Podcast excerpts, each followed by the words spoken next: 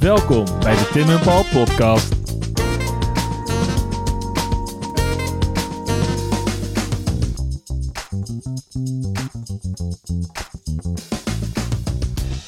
Paul, Tim. eh, het wordt later en later op de avond, Ja. maar wij slaan ons nog steeds door de isolatietapes heen. Ik heb iets heel leuks voor jou Tof. vandaag. Ja. Ik wil het met jou gaan hebben over het Fairbairn Sykes Commando mes. Je zegt dat het leuk is, maar dat klinkt heel grimmig. Het is een ontzettend grimmig ding. Ehm, het is een mes wat gebruikt wordt door commandotroepen. Ja. Ehm, en je moet je voorstellen, het is een, het is een, eh, een dolk eigenlijk. Eh, het wordt ook wel een stiletto genoemd. Ja. Het is echt een, een heel sick steekwapen om gewoon iemand dood te maken eigenlijk. Nou. Ehm, Dat is toch een leuke kerstgedachte die we hier... eh, ja, Eh, we gaan even terug naar het begin van het Fairbairn Sykes commando mes. Dan moeten we twee, moet ik twee mensen eigenlijk introduceren. Fairbairn en Sykes, denk ik. Zeker, zeker. Ehm, we beginnen eigenlijk... eh, ik moet even kijken wat zijn voornaam was. Met Fairbairn. Fairbairn, eh, ja, ik kan het, ja, het maakt eigenlijk niet zoveel uit. Fairbairn en Sykes waren allebei... ehm, hoe noem ik dat nou? Eh, Oud-politieagenten van de Shang- Shanghai Police Force. Hmm. Ehm, en er is wel een, eh, een, een... En ik moet het zo zeggen, hun, hun ervaringen in de police force hebben ze ingezet om dit silent killing... Wat hebben ze in godsnaam meegemaakt in Shanghai? ja, ik heb, ik heb hier wel een, eh, een, een, een staatje van hun ervaringen in Shanghai. In slechts 12,5 jaar waren ze bij meer dan 2000 eh, op, eh, ja, zeg maar opsta, op, op, opstootjes en gevechten. eh, waarvan 666 eh, eh, schietpartijen waren. Ehm, er hebben er, ze hebben er 200 eh gedeescaleerd. En Eh, 400 geëscalateerd escaleren. ja, ik weet ook niet, ik weet niet precies wat er met de rest gebeurd is. Maar ehm, er is, ik moet even kijken waar dat staat. Want er is wel echt een tof citaat. Even kijken, waar is het nou? Eh, eh, eh, ja, hier. Hier zegt Verben ehm, zegt iets over dat politiewerk in Shanghai. Ik, ik ga het citaat beginnen. Ja. I was in, the, in police work in the Orient for more, for more than 30 years. We had a tough crowd to deal with there, so you had to be prepared to beat every trick in the book. Dus deze gasten waren gewoon helemaal doorgewinterd in hand-to-hand combat. Als ik het even. Maar Shanghai is dus zo'n ellendige plaats om op dat moment te zijn. Dat is non-stop... ja, het, het, het, is, het is dus. Hij is daar geweest tussen 1907 en 1940. Ja. Ehm, om, en daar was hij dus politieagent. En toen vervolgens is hij teruggegaan naar, naar Groot-Brittannië. En daar heeft hij dus samen met, eh, met zijn maat Sykes, met wie hij dus de streets eh, gewoon Pa- Patrouilleerde. gepatrouilleerd en veiliger gemaakt heeft, hebben ze zich samen toegelegd om een nieuw mes, een nieuw vechtmes te gaan ontwikkelen. Ehm, en is, is Ja, want je moet toch wat, hè? ja, je moet wat. Op een bepaald moment was er een meeting ehm, bij Wilkinson Sword. Van het scheer... eh, Uiteraard, ja. Ehm, me- messenmaker sinds mensheugenis. En daar zijn ze samen gaan zoeken eh, naar hoe ze nou een zo naar grof mogelijk vechtmes konden gaan samenstellen. Het was in eerste instantie bedoeld eh, voor de Britse commando's en de Royal Marines. Wat toch ook wel twee eenheden zijn die letterlijk het mes tussen de tanden hebben. Ehm, Het zijn doorgewinterde vechters. Ehm, en dat mes kreeg natuurlijk ook in de oorlog, Tweede Wereldoorlog, een soort mythische status. Het was eerst alleen maar voorbehouden aan leden van die echt die, die commandotroepen en de Royal Marines. Het Parachute Regiment krijgt ze ook. Daarom ken ik ze natuurlijk, die Mhm. messen. Ehm, maar vervolgens... ook, zie- ook doorgewinterde jongens. Zeker. Goed getrainde jongens, ja. Maar vervolgens zie je dan ook dat het, dat het dan voor bijvoorbeeld Amerikaanse eh, militaire bonton wordt om zo'n mes te hebben. Het wordt ook voor, voor soldaten in andere eenheden wordt het vet om een Fairbairn Sykes mes te hebben. Dus die populariteit, die, die populariteit neemt enorm toe. Ehm, het gaat zelfs zover, of zover, dat Nederlandse commando's tijdens de Tweede Wereldoorlog die messen ook krijgen. Het Mhm. werd standaard uitrusting voor commando's, dus ook voor Nederlandse commando's. Maar dat, sorry, Die ik- resulteerde onder de Engelse commando's. Ja, die zitten op dat moment gewoon in Engeland, toch? Ja, ja, zeker. Ja. Dus die worden helemaal getraind en, en uitgerust naar Engelse maatstaven, naar Britse maatstaven. En krijgen dus ook dat Britse commandomes. Ehm, maar net zoals die rode beret op een gegeven moment symbool gaat staan voor eh, die luchtlandingstroepen, gaat dit hele nare mes um, symbool staan voor dat korps commandotroepen, ook in Nederland. En het gaat zo, zo ver dat in het, in het baret-embleem van het huidige korps commandotroepen zit het, het Fairman Sykes mes nog steeds. Ja. En het mes wordt overigens ook nog steeds gemaakt. Je kunt nu op internet kun je een Fairman Sykes mes bestellen. Ehm, en ook hier, net als bij die eerdere aflevering waarin ik vertelde over de Stengun, zijn er weer alle mogelijke Mark 1, Mark 2, Mark 16 varianten. En dat zit voornamelijk in de greep. Want uh, zeg maar, het snijende deel, het, uh, het lemmet, is, is eigenlijk gewoon heel sick, smal, dun mes. En daar heeft Verben ook nog iets interessants over gezegd. Um, hij zei eigenlijk, um, het is een combinatie van techniek en het mes. En je moet zorgen dat je een ader gewoon helemaal doorsnijdt. Ja. Omdat je, uh, als je het half, als je half werk levert, zoals zo vaak in het leven, dan... Wat ik vaak heb, ja. Dan is het niet su succesvol genoeg. En hij zei letterlijk, je moet zorgen dat je een... Dat je een, uh, een het is echt heel grimmig. Ik lach erom, maar het is echt fucking grimmig. Dat je een, een ader en het liefst een slagader gewoon clean doorsnijdt. Mm -hmm. Uh, want als je dat niet doet, dan hebben aderen de neiging om weer samen te smelten en zich, dat het, het bloeden stopt. En hij zei, als je hem gewoon netjes in één klats doorsnijdt, dan bloedt je slachtoffer leeg en, ja. en er, verliest hij al vrij snel zijn bewustzijn. En dan kan je weer verder. kan je weer vrolijk verder gaan. dus dat is het, het Sherman Sykes mes. Um, heel veel ingezet. Um, maar hoe groot is dit? Moet ik denken aan een soort Bowie mm. formaat? Of, of, wat je zei net, stiletto, dat is zo'n... Zo'n vlindermes. Mafiosi-achtige Ja, het, het, het, is een dolk. Het is een... Um, het, is, het is, ja, ik denk, wat zal het zijn? Dat kunnen mensen niet zien. Ja, maar ik, ik, ik, ik, ik hou nu mijn vingers op en ik kijk hoopvol naar Paul of hij de, deze afstand in kan schatten. Centimetertje of 20? 20, 25, ja, zoiets, zoiets, is het. Ja en zijn ook hele sikke foto's van dat je dan guys dat, dat aan een soort van aan ding, been hebben. Ja, in hun sok hebben zitten en zo. Het is wel echt vet. En oh ja, ook nog wel, als je nu denkt, um, ik ben helemaal gegrepen door het verhaal van het Fairbairn Sykes mes. Ik wil hier meer over weten. Uh, op YouTube is er een heel sick filmpje van het Britse uh, Nationale Legermuseum. Mm -hmm. Waarin ze een, een, een oude veteraan van de Tweede Wereldoorlog met een groene baret op interviewen waarin hij vertelt uh, over het gebruik van het Fairbairn Sykes mes en hoe hij daar mensen mee opengesneden heeft. Het is echt heel sick. Een soort van oud mannetje. Een soort oude baas. Ja, een soort oude baas met een groene baret die vertelt over gewoon met dat mes de meest nare dingen doen.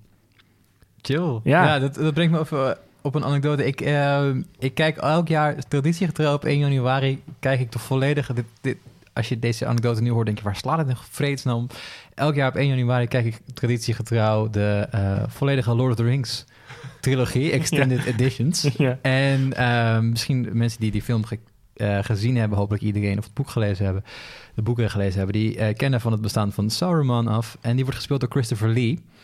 En Christopher Lee is inmiddels niet meer onder ons, maar die heeft ook een uh, carrière gemaakt tijdens de oorlog. Dat was zo'n, weet je wel, Ian Fleming en, en Christopher Lee, allemaal van die gasten die later een ca carrière iets anders hebben gedaan, hele grimmig verleden hebben. En op een gegeven moment, uh, spoiler alert voor een film die 20 jaar oud is, uh, wordt hij neergestoken. En de regisseur, uh, Peter Jackson, die zegt dan: Ja, je moet even wat meer doen als je wordt neergestoken. En hij zegt: Hij was, hij was commando, of hij zat bij de SES, hij had ook zo'n mes. Hij zegt: Nee. Nee, ik weet wel hoe het klinkt als je, als je oh, wordt man. neergestoken wordt. Dus ik ga dat even nadoen, if you don't mind. Zo. So. Oh, oké, okay, nou ja. Doe, doe, jij even lekker je ding, man. Is goed, weet ja. je wat? Fucking sick. Heel naar. Heel naar. Um, zal ik hem dan meteen even overnemen naar... Nee, ik, ik, of, jij hebt nog ik een wil nog, feitje. ja, nee, ja. Ik, ik, wil nog iets vertellen over, uh, over, over het Fairbairn Sykes mes. Want um, heeft ook een boek geschreven in 1942. Dit mes werd echt, echt aan het begin van de oorlog ontwikkeld en, en, uh, en ontworpen. In zijn boek Get Tough uit, uit 1942 uh, beschrijft hij over hoe de ja, beschrijft hij hoe je het best iemand kan, uh, kan aanpakken met zo'n mes. Maar wat bij mij best wel veel indruk heeft gemaakt, is dat daar ook een tekeningetje in zit. eh, waarin gewoon voor de leek, hè, de militaire leek, even de belangrijkste slagaderen eh, Mhm. in het menselijk lichaam worden neergezet. Daar ben ik een beetje naar van, Tim. En waar je die dan moet pakken. Om het zo e- effectief mogelijk Het uh, een instructieboekje ja. van Fairman en Sykes.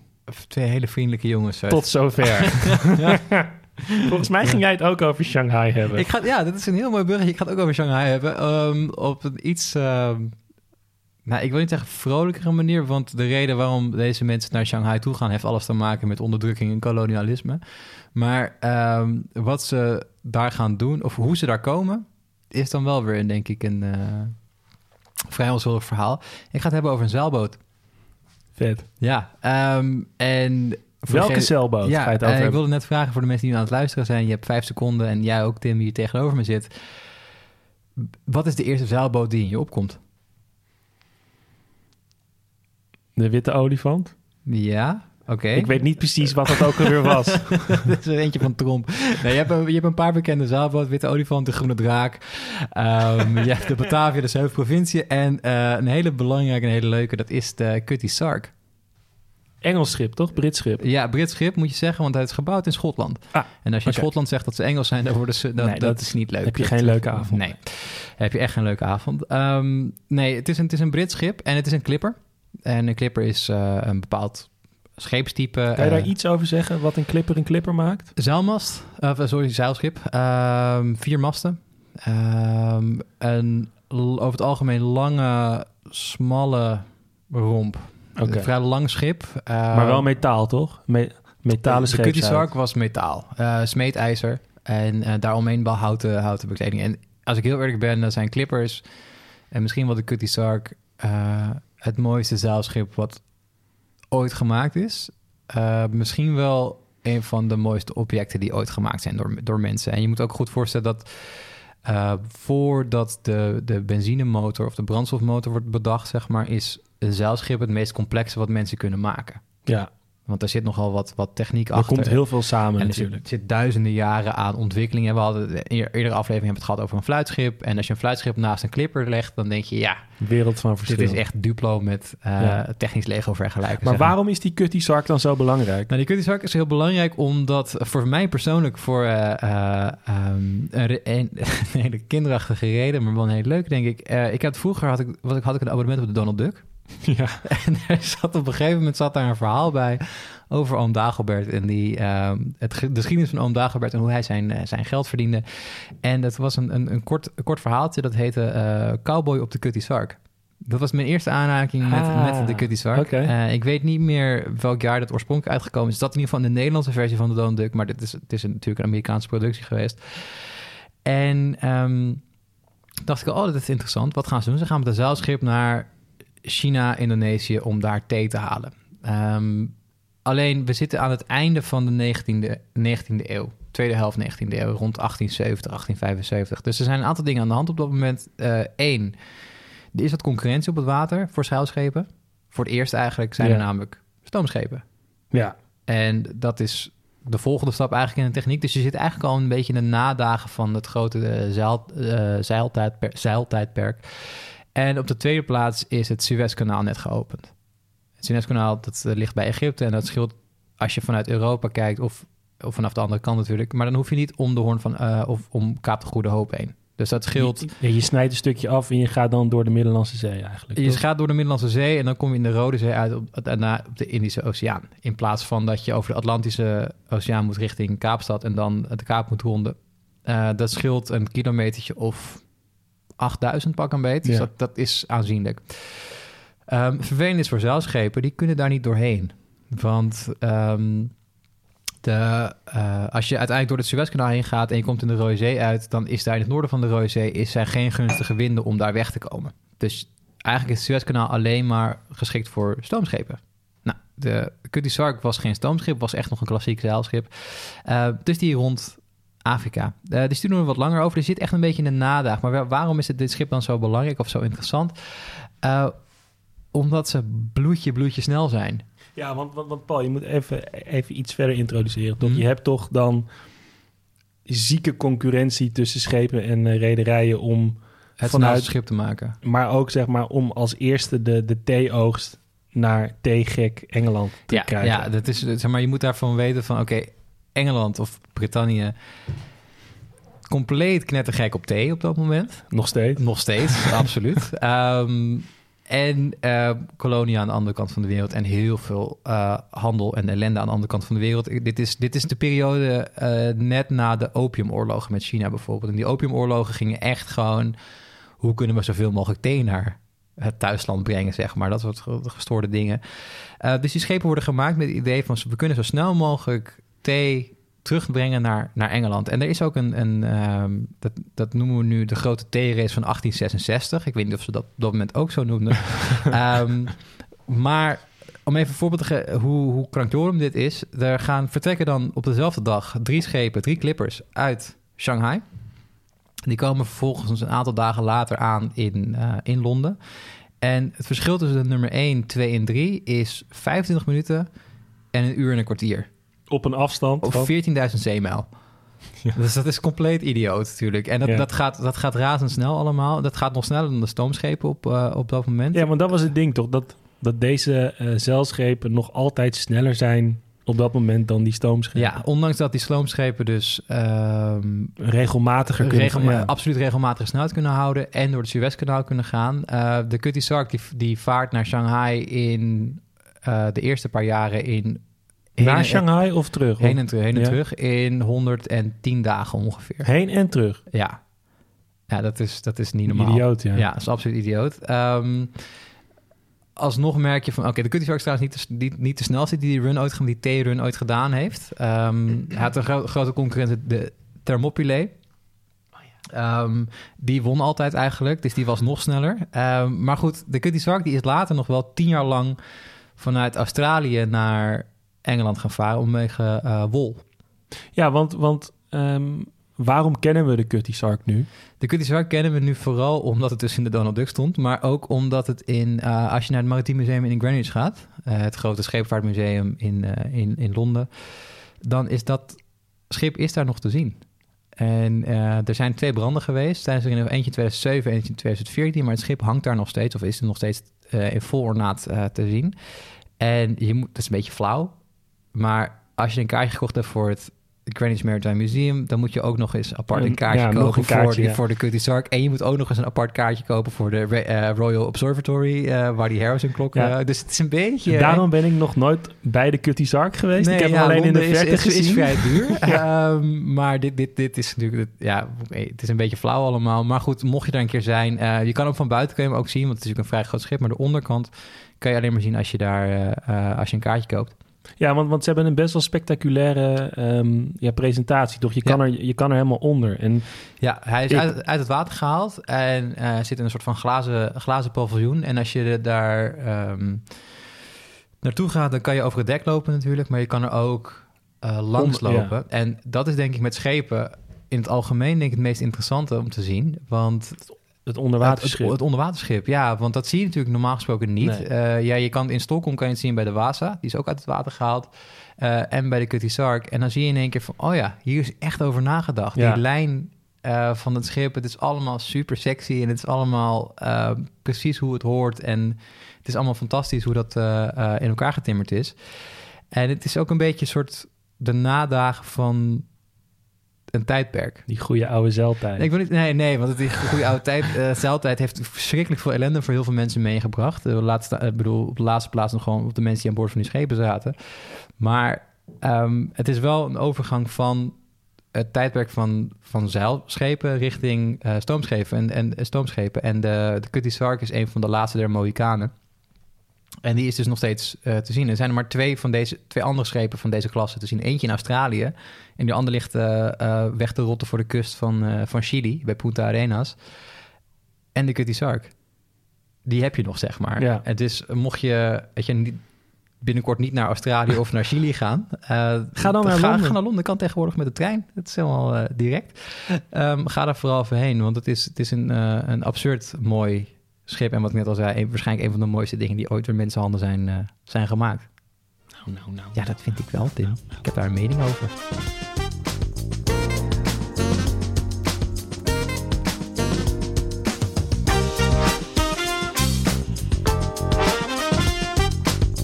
Vond jij dit nou een interessant verhaal en wil je meer over geschiedenis weten? Hou dan onze Instagram in de gaten. We zouden het ook heel leuk vinden als je een recensie achterlaat. Vijf sterren, mag gewoon. En heb je nou een vet idee waar we het over kunnen hebben? Slide dan in onze DM's. Durf gewoon te vragen. Tot de volgende. Groetjes thuis.